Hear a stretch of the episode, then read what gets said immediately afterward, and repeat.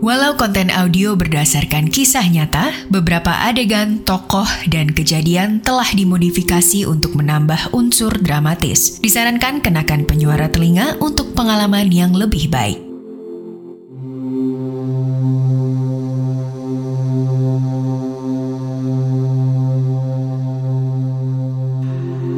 Selamat datang di podcast Tinggal Nama Spesial Biografi. Edisi spesial ini dipersembahkan untuk mengenang jasa para pahlawan yang berkorban demi memperjuangkan kemerdekaan Indonesia. Biografi ini diambil dari jejak tertulis mengenai tokoh terkait. Sebelum mendengarkan, jangan lupa untuk klik follow podcast Tinggal Nama dan beri rating terbaik kamu. Follow juga media sosial dan TikTok kami di @medio by KG Media agar tidak ketinggalan informasi podcast lainnya. Kamu bisa berlangganan Intisari Plus di plus.intisari.grid.id dan Intisari akan memberikan diskon hingga 50% untuk berlangganan majalah Intisari di atas satu bulan melalui gridstore.id.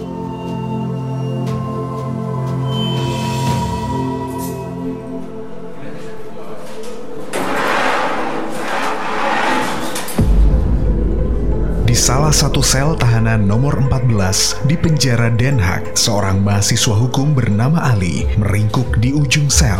Sebulan yang lalu, ia ditangkap oleh Belanda setelah melaksanakan semua ujian mata kuliah bersama ketiga rekannya, Muhammad Hatta, Abdul Majid Jayaningrat, dan Nazir Datuk Pamuncak. Keempat pemuda itu ditangkap sebagai anggota pimpinan Perhimpunan Indonesia dan didakwa berkomplot untuk menggulingkan pemerintah Belanda.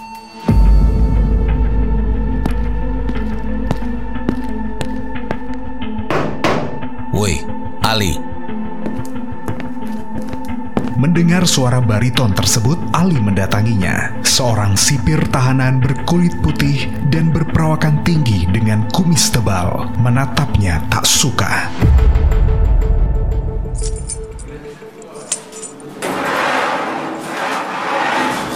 Ikut aku. Sudah waktunya. Iya, Aku diperbolehkan ikut. iya. Lalu rekanku yang lain, ke mana mereka? Hatta, Abdul, dan Nasir, apa mereka sudah lebih dahulu pergi? Tak usah banyak tanya. Cepat ikuti kepala sipir. Berikut Ali yang menyusul ujian, Mister. Hmm, cepat. Ali hanya bisa berjalan di belakang kepala sipir yang menuntunnya naik mobil tahanan. Ali tahu ia akan dibawa ke Universitas Leiden, di mana ia akan melaksanakan ujian doktoralnya. Meski Ali sudah ditahan selama satu bulan, ia tetap berhasil mengerjakan ujiannya dan dikembalikan lagi ke penjara untuk menggenapkan masa tahanan. Meski ia mengikuti studi di Universitas Leiden, Ali tidak terpengaruh oleh maha guru mana pun. Terbukti, pada tahun 1927, Ali Sastro Mijoyo turut aktif dalam kegiatan Perhimpunan Indonesia. Tak tertinggal juga para mahasiswa lainnya. Saat ditanya perkembangan dari organisasi tersebut, Ali menjawab dengan lugas,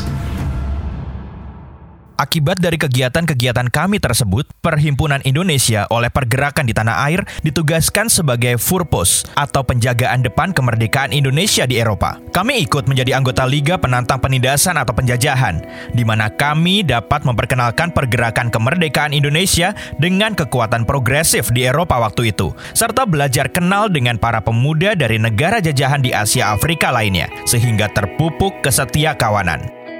Tenaganya memang tercurahkan untuk politik dan organisasi yang dia ikuti, sampai Ali menjadi Perdana Menteri dan Duta Besar Republik Indonesia untuk Amerika Serikat. Namun, saat sekumpulan anak muda bertanya padanya, Pekerjaan mana yang paling memuaskan? Sebagai Perdana Menteri atau Duta Besar? Ali akan tersenyum sebelum menjawab dengan pasti. Saya ini orang yang tak mudah puas begitu saja. Selalu merasa ini masih kurang baik atau hal itu masih dapat disempurnakan. Tetapi tentu saja, saya bersyukur dapat menyumbangkan sedikit kepada bangsa dan negara, terutama ketika saya menjadi Perdana Menteri.